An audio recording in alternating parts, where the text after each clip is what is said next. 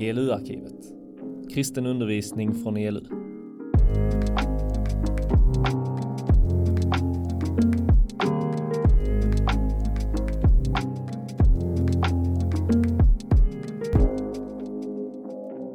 Vi ska uppehålla oss mycket i Johannes evangeliet, men vi ska börja i första Johannesbrevet. Så om du bläddrar dit ska vi titta på ett ganska viktigt bibelord.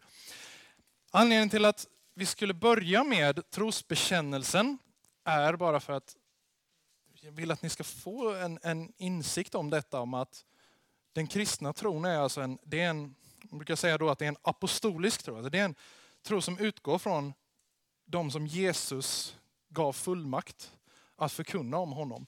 Och eh, de förde vidare tron och på så vis är kristen tro en överlämnad tro. Alla här som ni, alla kristna runt hela världen, är kristna för att någon har berättat om Jesus för dem och Guds ande väckte tron i deras hjärta. Det är så den kristna tron förs vidare. Eh, Gud kunde gjort på olika sätt. Helig ande kunde bara dykt upp för alla människor och väckt tron sådär. Så kunde Gud ha gjort. Eftersom han är allsmäktig så kunde han ha valt ett annat sätt. Men Gud har valt att använda andra människor, Gud har valt att använda människors ord och att genom de orden så väcker han tron i människor. Så funkar det. Eh, temat som jag fick att undervisa ifrån idag var då en kollektiv tro. Sen var det en massa underpunkter som inte ni fick se. Eh, men de är ganska bra för de blev outline för mig. Och eh, det kan ju vara så när man undervisar då sista passet på ett läger med många undervisningspass så finns det ju då en överhängande risk att vissa saker som jag säger kommer ha sagts innan.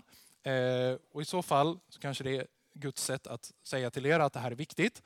Men jag hoppas att vi eh, hittar lite andra saker som vi kan eh, titta lite på. Eh, första Johannesbrevet som sagt ska vi börja i, så kan jag bläddra dit själv också. Det är ju ganska bra.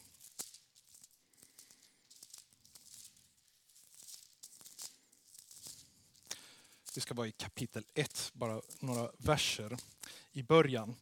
I eh, första Johannesbrevet, så, ja, det här är första punkten som vi ska titta på idag.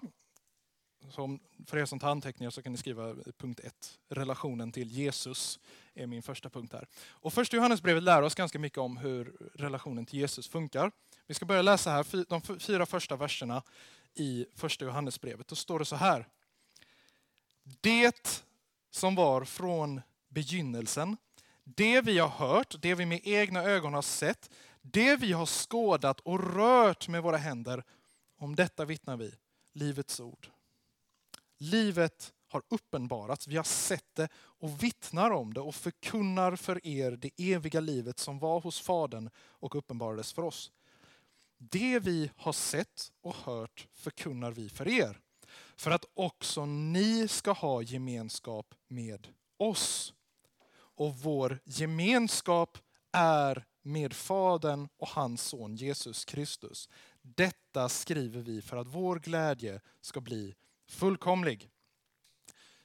Jätteviktiga saker som sägs här av aposteln Johannes. Han säger, jag, vi, mina vänner här omkring, vi var ögonvittnen till vad Jesus gjorde. Vi har pratat med honom, vi har sett honom, vi har rört honom, vi har suttit ner och ätit med honom, vi har sett honom uppstånden från de döda, vi har pratat med honom. Detta för nu vi vidare till er. Och så säger han något helt otroligt i vers 3. Han säger då att vi berättar det här för att ni ska ha gemenskap med oss. Och så säger han då, andra halvan av vers 3. Det är en sån här eh, stryka undervers tycker jag. Vår gemenskap är med Fadern och hans son Jesus Kristus. Aposteln Johannes gör här liksom ett oerhört stort påstående. Kyrkan har gemenskap med Gud, med Jesus själv. Och han menar att om du är del av kyrkans gemenskap så har du också gemenskap med Jesus själv.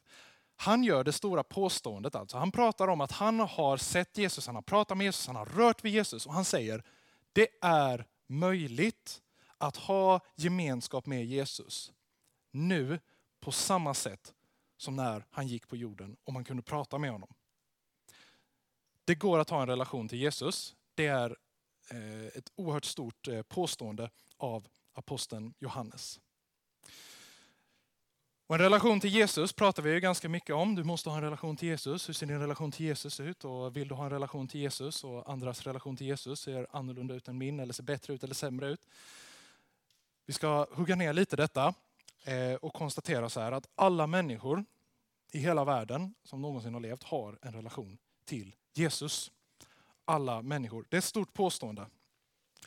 Om vi bläddrar bakåt så ska vi bläddra, till, eh, vi ska bläddra mot Johannes men vi stannar i Romarbrevet först. Och I Romarbrevet, om jag hittar det också, i Romarbrevet kapitel 5 så får vi en viss insikt om hur relationen till Jesus ser ut. Det här är det ena sättet att ha en relation till Jesus. Förklaras det lite så här kapitel, Romarbrevet kapitel 5, vers 8. Jag, läs, jag börjar läsa redan nu. Då står det så här. Men Gud bevisar sin kärlek till oss genom att Kristus dog för oss medan vi ännu var, vad var vi? Syndare. När vi nu har förklarats rättfärdiga genom hans blod, hur mycket mer ska vi då inte genom honom bli frälsta från vredesdomen? För om vi som Guds, Guds vad? Vers 10. Fiender blev försonade med honom genom hans död, hur mycket mer ska vi då inte som försonade bli frälsta genom hans liv? Jesus dog för oss medan vi var syndare. Jesus dog för oss medan vi var vad? Fiender till honom. Jesus dör för sina fiender. Att vara fiende, att vara syndare, det är ett sätt att ha en relation. Hur ser din relation till din ovän ut? Så, ja, vi är ovänner. Vi är fiender. Så ser liksom människans naturliga tillstånd till Gud ut. Nu backar vi till Johannes evangeliet där vi ska spendera merparten av vår tid. Kapitel 15.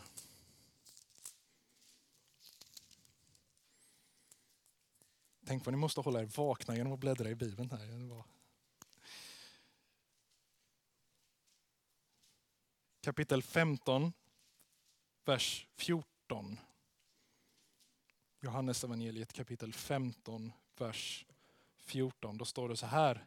Ni är mina, ni är mina vad? Om ni gör vad jag befaller er. Jag kallar er inte längre tjänare, för tjänaren vet inte vad hans herre gör. Jag kallar er,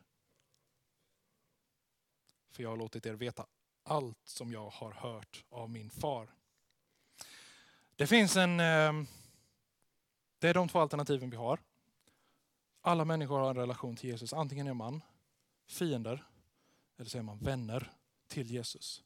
Det är de två alternativen som finns i vår relation till honom. Om ni tittar lite längre ner där i Johannes evangeliet, fortfarande i kapitel 15, så står det så här eh, eh, i vers 18. Jag ska läsa några verser ner, ner till vers 23 så får vi väldigt tydligt detta. Om världen hatar er ska ni veta att den har hatat mig för er. Hade ni tillhört världen skulle världen ha älskat er som sina egna, men ni tillhör inte världen utan jag har utvalt er, tagit er ut ur världen. Därför hatar världen er. Kom ihåg vad jag sagt, tjänaren är inte större än sin herre. Har de förföljt mig ska de också förfölja er. Har de bevarat mitt ord ska de också bevara ert ord. Men allt detta kommer de göra mot er för mitt namns skull, därför att de inte känner honom som har sänt mig. Hade jag inte kommit och talat till dem skulle de vara utan synd, men nu har de ingen ursäkt för sin synd. Den som hatar mig hatar också min far. Antingen eller. I vårt perspektiv så känner vi förmodligen många människor som inte vad vi hade beskrivit, har en relation till Jesus. De är inte Jesu vänner, de är inte kristna, de tror inte på Jesus, de har ingen ambition att följa honom. Men hade vi verkligen i vårt perspektiv sett dem som fiender hade vi, hade vi kanske mer sett dem som apatiska. Eh, svårt att bestämma sig, ointresserade kanske. Men Jesus lägger upp det ganska tydligt här. Vänner, fiender. Det är de två alternativen som finns. Jesus talar om världen som hatar honom. Världen i biblisk bemärkelse är allt det som är vänt mot Gud. Allting som inte vill ha med Gud att göra, det är världen. Framförallt i Johannes evangeliet kan man märka det. Och Jesus säger då, vill man inte ha med honom att göra, då kommer man inte heller vilja ha med er att göra. Han ger en förutsägelse om hur, hur det kommer vara att vara kristen och hur det är att vara kristen på många ställen i världen idag. Man blir förföljd för sin tro, för att människor hatar Gud och hatar Jesus och hatar kristna och vill inte ha med dem att göra. Det finns två alternativ. Hur går man då från att vara Jesu fiende till hans vän? Om vi precis i vers 18 konstaterade att världen hatar kristna och världen hatar Jesus. Vad lärde vi oss i Romarbrevet? Vi lärde oss vad? Att Jesus dör för sina fiender. Ni behöver inte bläddra dit för det här kan ni utan till. Johannes 3, vers 16. Så älskade Gud. Vad älskade Gud?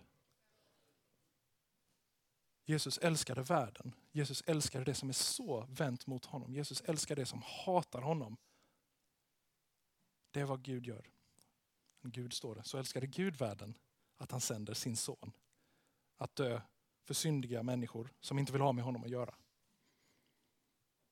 Han älskar sina fiender. Han dör för våra synder. Han upprättar vår gemenskap med Gud själv. Och hur går man då från att vara fiende till, till vän? Bläddra lite bakåt i Johannes evangeliet kapitel 14.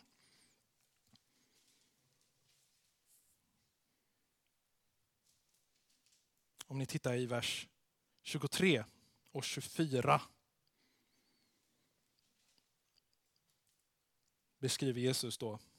Jesus kapitel 14, vers 23 och 24.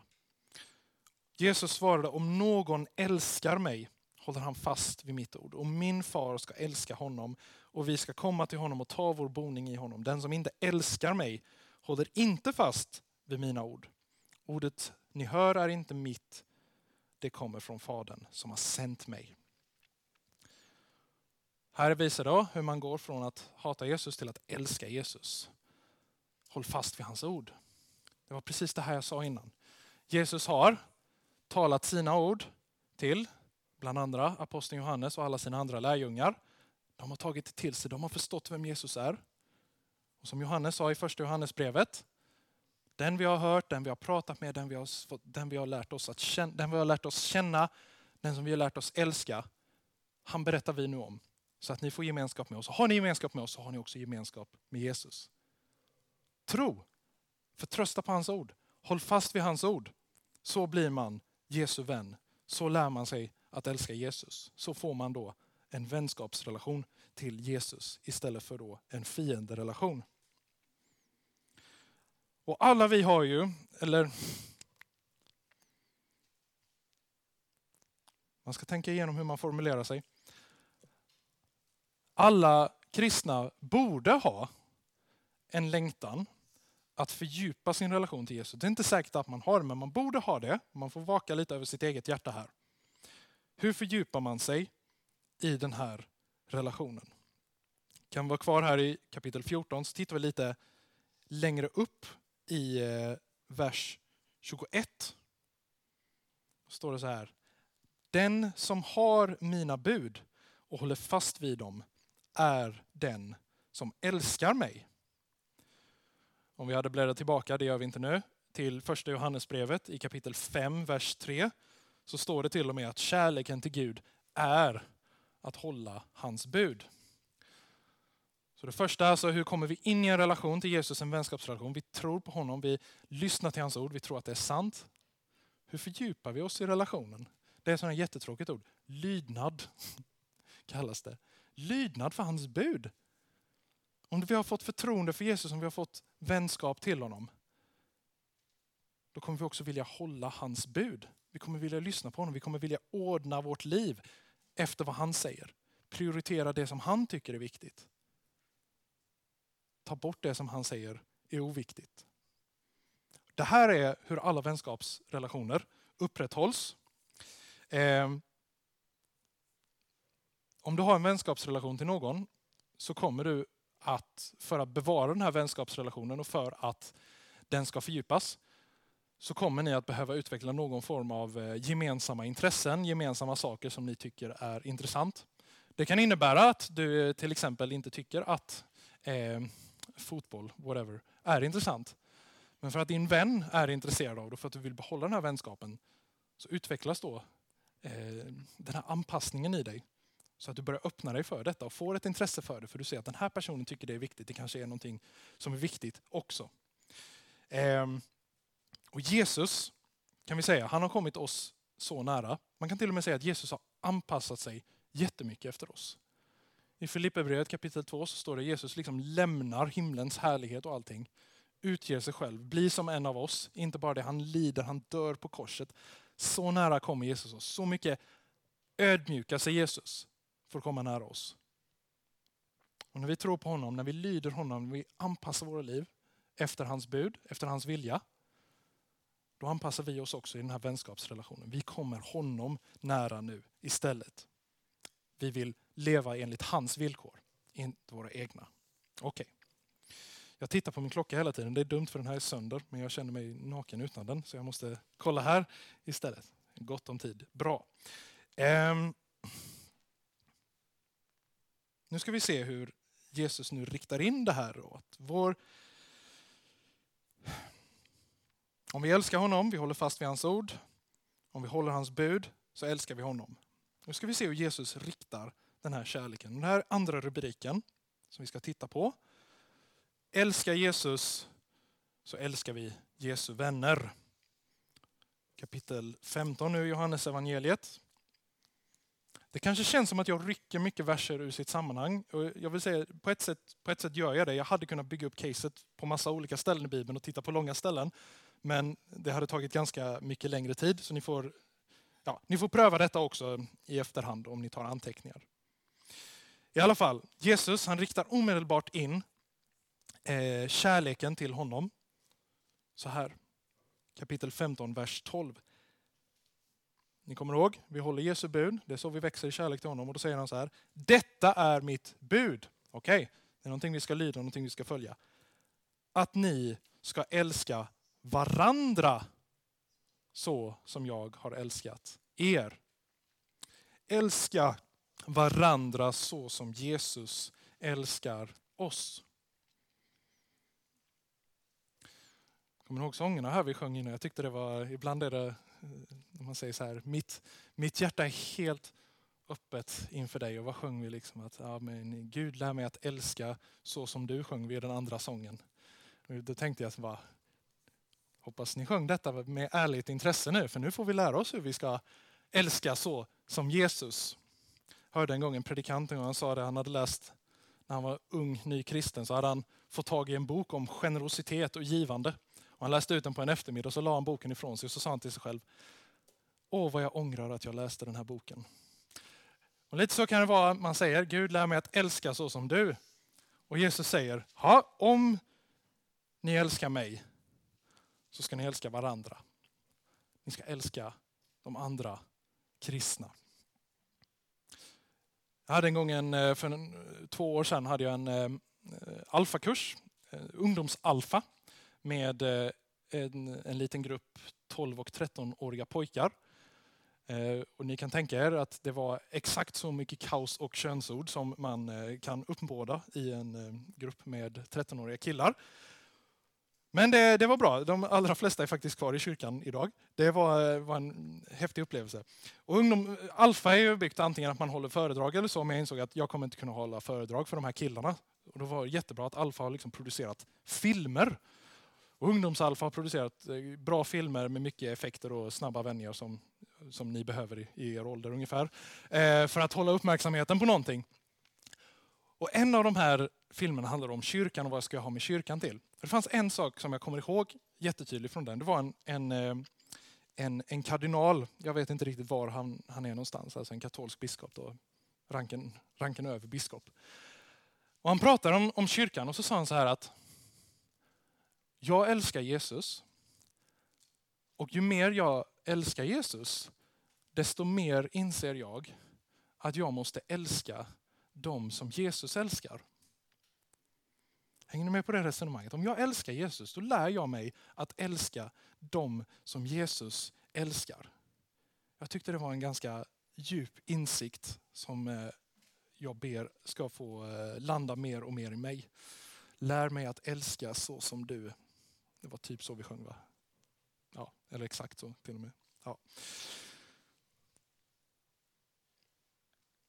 Om ni håller kvar eh, fingret. Nej, vi behöver inte bläddra dit om ni inte vill. I eh, Johannes evangeliet också, i första kapitlet, vers 12, så står det då att åt de som tror på honom, åt de som tror på Jesus, så gav Jesus dem rätten att bli Guds barn. Det är vad alla som tror på eh, Jesus är. Guds barn, implicit alltså. Vi är Guds familj. Det är ingenting man bara säger att kyrkan ska vara, utan det är någonting som Bibeln, som Jesus säger att vi ska vara i. Eh, första Thessalonikerbrevet kapitel 4 så talas det, helt, talas det också om att hålla syskonkärleken levande, eller om det står brinnande. Eh, står det i folkbibeln tror jag. Hålla syskonkärleken vid liv. Ganska mäktiga ord. Det här är inte bara på grejer om att vi är Guds familj. Det är någonting som Bibeln säger. Vi är Guds familj. Det betyder ju att kristen tro är ju ingen privat tro som vi bara kan utöva på egen hand, utan det är en tro som måste utövas tillsammans med andra. Om det är första budet som Jesus ger. Om ni älskar mig, då älskar ni dem som jag älskar. Då älskar ni varandra.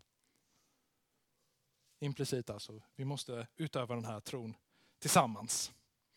Ehm, betyder att andras, andra kristnas kärlek till oss, när de betjänar oss på olika sätt, det är Guds sätt att älska oss. Och på samma sätt när vi älskar andra kristna, när vi betjänar dem på olika sätt, då är vi liksom del av Guds kärlek till dem. Det är så Gud har ordnat det, att vi ska älska varandra och få ta del av Guds kärlek. Och vi tänker ju kanske ibland då att vår uppgift är Vår uppgift är att älska alla människor, framförallt de utanför kyrkan, så att de också får lära känna Jesus. Och det är helt klart en, en, en uppgift. Så. Vi kommer ihåg eh, Jesus talar om den barmhärtige samarien som älskar den som inte var från sitt eget folk, den som älskar den som var i behov, i nöd. Och Det är helt klart vår kallelse som kristna också. Men jag tror att Jesus gör det ganska klart och tydligt här när han talar till sina lärjungar att vår första och huvudsakliga uppgift det är att älska våra medkristna. Och ju mer vi liksom får öva oss i den kärleken, desto mer kraft kan det ge i hur vi älskar människor utanför kyrkan. Jag har ett bibelord på det också. Jag bläddrar till kapitel 17. I vers 21 så ber Jesus för sina lärjungar och han ber faktiskt eh, för oss också. Eh, vi kan börja i vers 20, kapitel 17, vers 20. Då står det så här, Jesus säger, jag ber inte bara för dem, alltså sina lärjungar, utan också för dem som kommer att tro på mig genom deras ord. Jesus ber för dig i det ögonblicket vers 21. Jag ber att de alla ska vara ett och att de ska vara i oss liksom du far är i mig och jag i dig. Då ska världen tro att du har sänt mig. Det här är ju ett jätteutmanande bibelord, att, att de kristna ska vara så förenade i tron. Jag är helt övertygad om att det handlar om att vara förenade i kärleken, så att vi älskar varandra så som Jesus älskar oss. Att det, det är vad som ska vara det som binder oss samman och det ska vara det som leder andra människor utanför kyrkan till tro på Jesus. Titta längre ner så står det i vers 26, sista biten, så står det då att jag ska göra ditt namn känt för att kärleken som du älskat mig med ska vara i dem och jag i dem. Samma sak jag sa här innan, när vi älskar varandra, när vi tar emot kärlek från andra, då är vi del av Jesu kärlek. Det är så Gud förmedlar sin kärlek till oss. Så om du älskar Jesus så är hans bud, hans befallning att du ska älska dem som han älskar. Frågan är varför. Går vi över till tredje punkten här. Att vi ska, Jesus han befallde oss då att vi ska bevara hans ord. Och Det här är någonting som vi måste göra med kyrkans hjälp. Punkt tre då. Om vi är kvar i eh, kapitel 17 här i Johannes evangeliet. Alltså för er som tar anteckningar, jag vet att det är jättemycket bibelord och sånt där. Ni får fråga efteråt. Så. Det är, jag har bara ett manus med mig, men vi kan, kan dela snällt med varandra efteråt. Om, ehm, eh, att vi bevarar Jesu ord med kyrkans hjälp. Så stod det i mitt manus. Du får förenkla det om det var en lång rubrik. Men det hjälpte mig att komma ihåg vad jag ska säga i alla fall. Eh, kapitel 17, vers 13, fortfarande här. Jesus ber för sina lärjungar, han ber för oss. Och då säger Jesus så här i vers 13. Nu kommer jag till dig, men jag säger det här medan jag är kvar i världen för att deras hjärtan ska vara fyllda av min glädje. Jag har gett dem ditt ord och världen har hatat dem för de tillhör inte världen, liksom inte heller jag tillhör världen. Jag ber inte att du ska ta dem ut ur världen, utan att du ska bevara dem från det onda. De tillhör inte världen, liksom inte heller jag tillhör världen.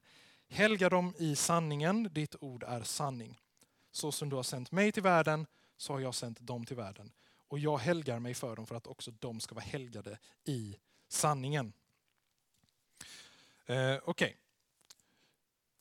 Jesus ställer ju fram då ett problem där i vers 13 att han kommer inte att vara fysiskt närvarande för sin kyrka i alla tider. Han, kommer inte, han, han vet att hans död och hans uppståndelse är nära och hans himmelsfärd kommer därefter. Han lämnar den här världen. Och det är ju, det är ju ett problem. För han förstår ju då att världen kommer hata de kristna. Det kommer inte gå bra för den tidiga kyrkan. De kommer få lida, de kommer dö för sin tro. Det kommer gå riktigt illa och han ber då, inte att de ska försvinna från världen, utan han ber då att de ska kunna härda ut. Han ber att vi ska härda ut utan att han är fysiskt närvarande hos oss. För det finns ju då lite olika faror för oss som vill älska Jesus. Det första ställer han ju fram här att världen vill påverka oss. Om man är hatad av någon och de är i majoritet så är det väldigt enkelt att börja tänka mig, jag måste anpassa mig så att de slutar hata mig. Och det är precis det Jesus ber att vi, att vi inte ska göra, utan han ber att vi ska hålla fast vid, tron på honom. I Romarbrevet 12 så får vi en varning av Paulus. Han säger anpassa er inte efter den här världen. Anpassa er inte efter den här världen. Och i första Johannesbrevet, sista versen i första Johannesbrevet, kan ni komma ihåg att slå upp sen. Då står det Var på er vakt mot avgudarna. Det är en viktig vers. Var på er vakt mot avgudarna. Um, ehm. om du känner Jesus så har du fått evigt liv. Står det i Johannes evangeliet kapitel 17, vers 3. Så det är ingenting jag hittar på. Du har evigt liv om du känner Jesus. Eh, tacka gärna Jesus för det någon gång. För att du ska få leva för evigt med honom. Ganska mäktigt. Du har i alla fall fått en relation, en vänskapsrelation till Jesus. Och nu ber Jesus också då att vi ska bevaras från det onda. Paulus varnar oss för, för att anpassa oss efter världen. Johannes varnar oss för avgudarna. Tror ni att det finns risker för vår relation till Jesus eftersom det finns alla de här varningarna? Tror ni att det finns en risk att vår relation till Jesus kan förvrängas och förvridas till den grad att det inte längre är en relation till Jesus? Ja, det är precis vad ni ska svara. Ja, det finns en risk. Det finns risker för vår relation till Jesus och den måste vi skydda. Ehm, du har en om du tror på Jesus så har du en personlig tro på Jesus. Du har en personlig relation till Jesus. Han känner dig bättre än vad du själv gör. Det betyder inte att du har en subjektiv relation till Jesus. Det kommer svåra begrepp. Du kan inte tro vad som helst om Jesus. Utan din relation till Jesus är bara sann och det är bara en relation till Jesus i den mån att den relaterar till hur Jesus faktiskt är. Ni kan inte påstå, om ni har en kompis, så kan ni inte säga att min relation till min kompis ser ut så här och så här. Och de känner inte igen sig i den bilden. Då har ni inte en relation längre. Då börjar ni glida över i ovänskap istället. Samma sak är det med relationen till Jesus. Den kan inte se hur som helst ut, utan den måste anpassa sig på Jesu villkor. Du har en personlig tro. Den är inte subjektiv. Den är inte heller privat. Om du sitter i din egen lilla bubbla, aldrig exponeras för andra kristna, aldrig går i kyrkan, aldrig går till ungdomsgruppen, aldrig kommer i kontakt med något annat, då kommer det garanterat att smyga in sig fel och avarter i din tro och i din relation till Jesus. Till den grad då att det inte längre är en tro på Jesus utan på något annat. Och då då en fråga, vad har Jesus gett oss till hjälp för att vi ska bevara hans ord, för att vi ska bevara en sann relation till Jesus? Jo, svårt att gissa. Han har gett oss kyrkan, han har gett oss varandra, han har gett oss andra kristna. Nu ska vi titta på ett bibelord som verkligen visar hur kyrkan ska se ut i funktion. Och nu lämnar vi eh, nu lämnar vi Johannes evangeliet för de sista vad blir det, tio minuterna eller så. Och så går vi till Hebreerbrevet. Hebreerbrevet kapitel 13. Ett bibelord här som är, nej vad dum jag är, kapitel 3 menar jag. Kapitel 3, vers 13 skulle det vara. Hebreerbrevet 13 är för övrigt också jättebra. Ehm, vi ska titta här. Hebreerbrevet kapitel 3, vers 12 och 13. Så kommer vi verkligen se hur kyrkan ska se ut när kyrkan är i funktion. Och då står det så här. Hebreerbrevet kapitel 3, vers 12. Bröder, eller syskon, se till att ingen av er har ett ont och trolöst hjärta så att han avfaller från den levande guden. Uppmuntra varandra istället varje dag så länge det heter idag. Så att ingen av er förhärdas genom syndens makt att bedra. Här ser vi alltså att ett av kyrkans huvudfunktioner, en av huvudfunktionerna för alla kristna som finns, det är att korrigera våra fel och brister och se till att vi faktiskt vandrar med Jesus. Att vi faktiskt har en relation med Jesus och inget annat. För vi ser ju här att det finns ju uppenbarligen en risk att vi får ett ont och trolöst hjärta så att vi avfaller från relationen till, till Jesus. Vi kan också förhärdas genom syndens makt att bedra. Det finns saker som vill dra oss ifrån den här relationen till Jesus och Jesus har gett oss kyrkan och när kyrkan är i funktion så är kyrkans uppdrag att se till att vi inte avfaller från tron. Se till att vi fortsätter vandra med Jesus. Se till att vi håller fast vid detta. Det betyder att Gud har gett dig andra kristna som en gåva. Och de har uppdraget att föra dig till en sannare tro. Kyrkan har funktionen att avslöja de här felaktigheterna i vår tro så att vi inte får en fel tro på Jesus. För Det är en reell fara att ha en fel tro på Jesus. Och tron är ju bara personlig. Din relation till Jesus är bara personlig i den mån att den är sann. Och kyrkan ska hjälpa dig med detta för du kommer inte lösa det här på egen hand läste en bok av, eh, eller jag läste eh, de första kapitlen av en bok av eh, Stefan Gustafsson. Och det, om ni känner till Stefan Gustafsson så vet ni att det var en bok om apologetik. Och det var det. Och han hade en formulering där som jag tyckte var jättebra. Som jag, så fort jag läste den så tänkte jag oh, det här ska jag använda till mitt, till mitt undervisningspass på Brenas. Och han talade om eh, eh, vad, vad kristen tro är och eh, hur eh, kristen tro då blir personlig. Och då sa han så här, eller han skrev, jag tror att han citerade någon, men jag, jag blev så tagen av detta. Så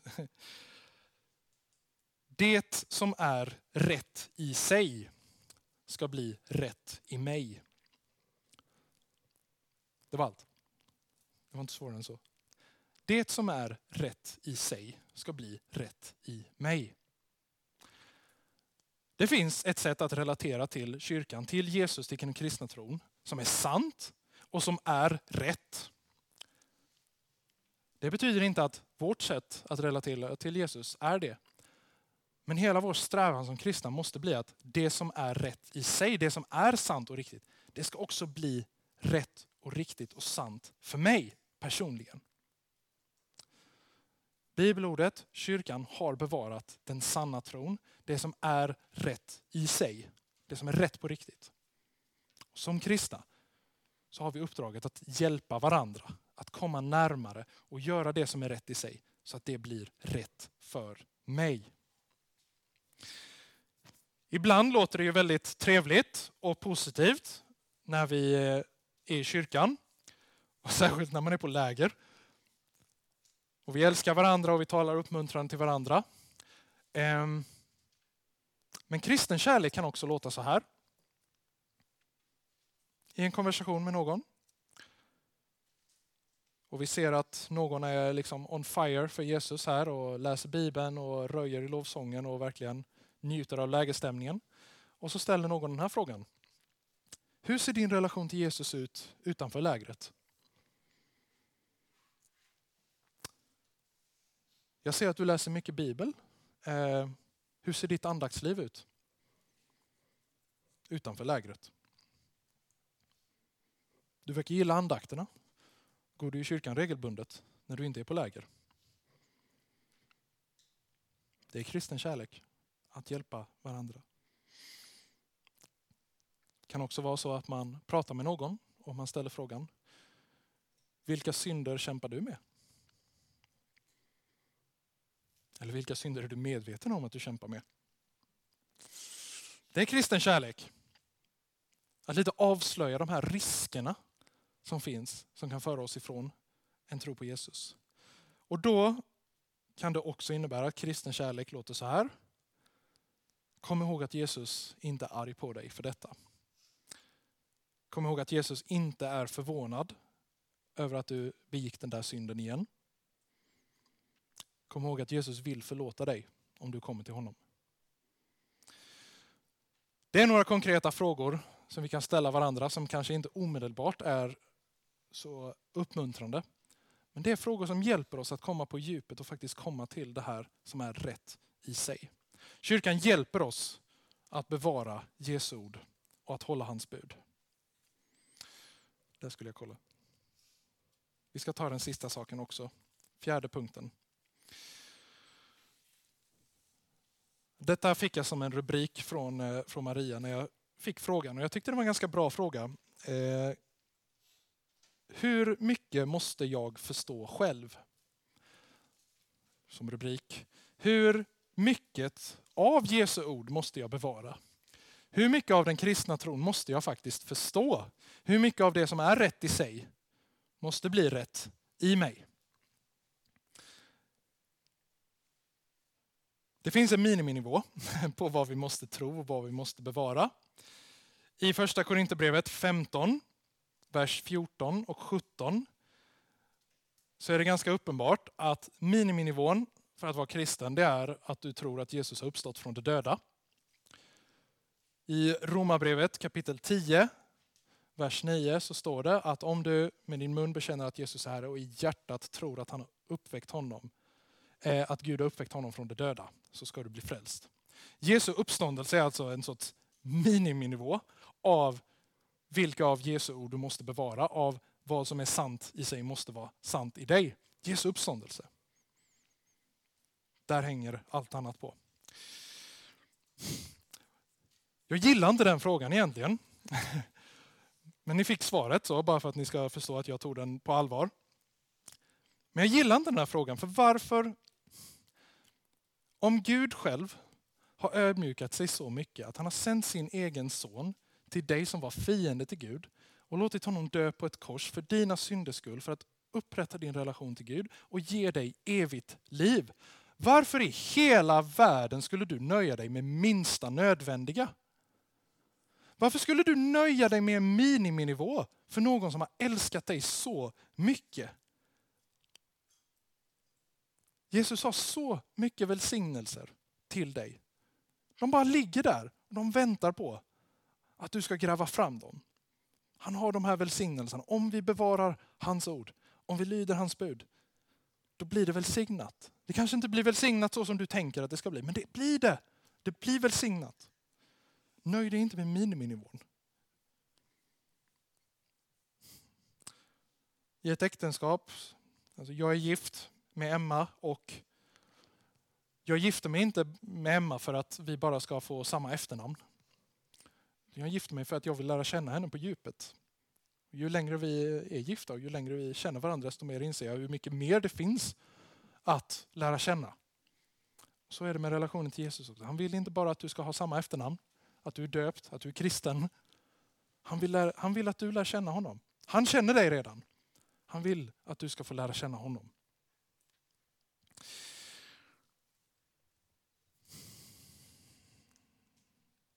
Vi gör så här också. Sista saken jag lovar. Men det här är viktigt. Eh, Gud har gett eh, dig en gåva. Det låter väldigt högmodigt nu, men Gud har gett dig en gåva i form av präster och pastorer, eh, teologer, förkunnare, ledare i kyrkan. Och i eh, de som kallas pastoralbreven i Nya Testamentet, första, andra Timoteusbrevet och Titusbrevet, så ser vi att det finns en särskild uppmaning för församlingsledare, för präster, att förmana, att uppmuntra och att tillrättavisa. På samma sätt som att när en varningslampa i min bil blinkar så tar inte jag itu med det problemet själv utan jag åker till min bilmekaniker. För min bilmekaniker har bättre koll på hur min bil fungerar än vad jag har. För om jag öppnar min motorhuv så tittar jag ner och konstaterar Ja, det är en motorhuv.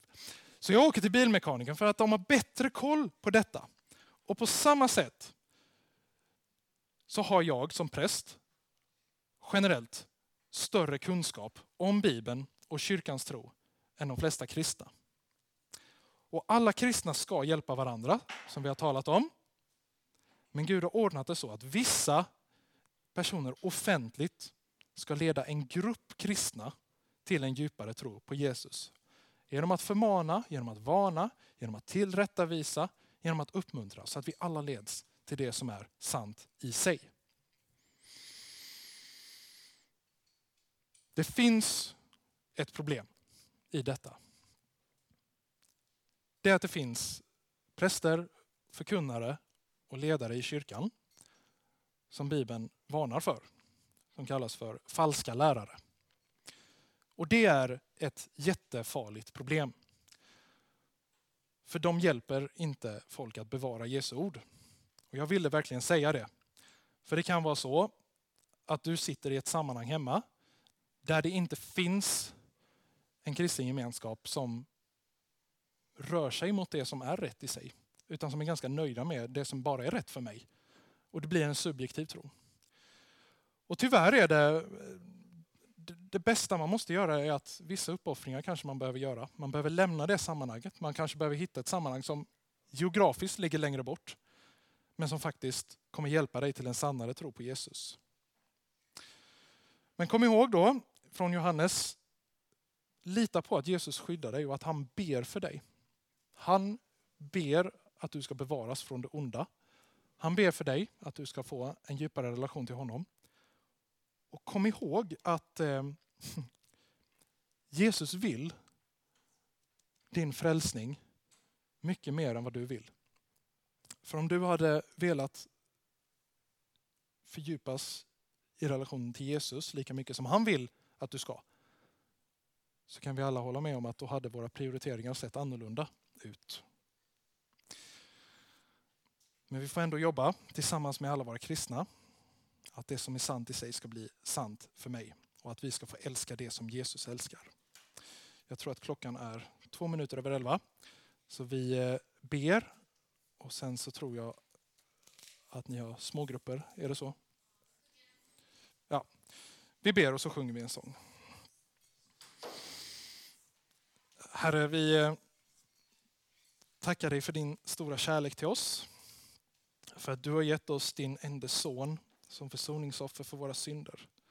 Tackar dig för att han på korset förklarar oss rättfärdiga inför dig. För att vi inför dig inte har något som vi behöver känna skuld över, ingenting vi behöver skämmas över, för det har, han har burit allt det. Jag ber Herre att du hjälper oss alla att bevara tron på dig. Att eh, vi får hålla fast vid alla dina löften till oss. Att du hjälper oss att lyda dina bud. Inte som en tung börda utan för att vi faktiskt ska få se välsignelserna där i. Vi tackar dig för din kyrka som du har gett oss. För att du har gett oss varandra. Jag ber om öppna hjärtan för oss själva. Så att vi tar till oss när eh, andra medkristna påtalar saker som kanske inte riktigt stämmer överens med, eh, med våra egna liv eller med, saker, med hur våra liv stämmer överens med ditt ord. Då ber jag om öppna hjärtan att vi ska pröva det och vara villiga att ändra oss. Jag ber också om frimodighet, att vi eh, vågar ta till oss av det här budet, att älska varandra genom att faktiskt våga tillrättavisa andra också. Att när vi får syn på andras brister så vågar vi påtala det också. Ödmjukt men ärligt. Hjälp oss så här att ledas fram tillsammans till en djupare relation till dig. Till en mer mogen relation till dig. Jag ber om eh, ditt beskydd över eh, alla som är i det här rummet som kommer bege sig hem idag. Till olika sammanhang, på olika platser, till vissa till församlingar och ungdomsgrupper där kärleken till dig frodas och vill fortsätta växa. Och ber att du fortsätter välsigna de sammanhangen. Be för de som kommer hem till sammanhang där kyrkan är eh, vilseledd, där det inte finns ett sammanhang som man kunde önska. Då vill vi lita på eh, ditt löfte att du ber för oss, att du ber att vi ska bevaras från det onda. Jag ber att det ska få dyka upp något annat sammanhang med andra välsignelser. Men att du oavsett vilka situationer vi befinner oss i hjälper oss alla att ledas in i en djupare och mer mogen relation till dig. Om allt detta ber vi i Jesu namn. Amen.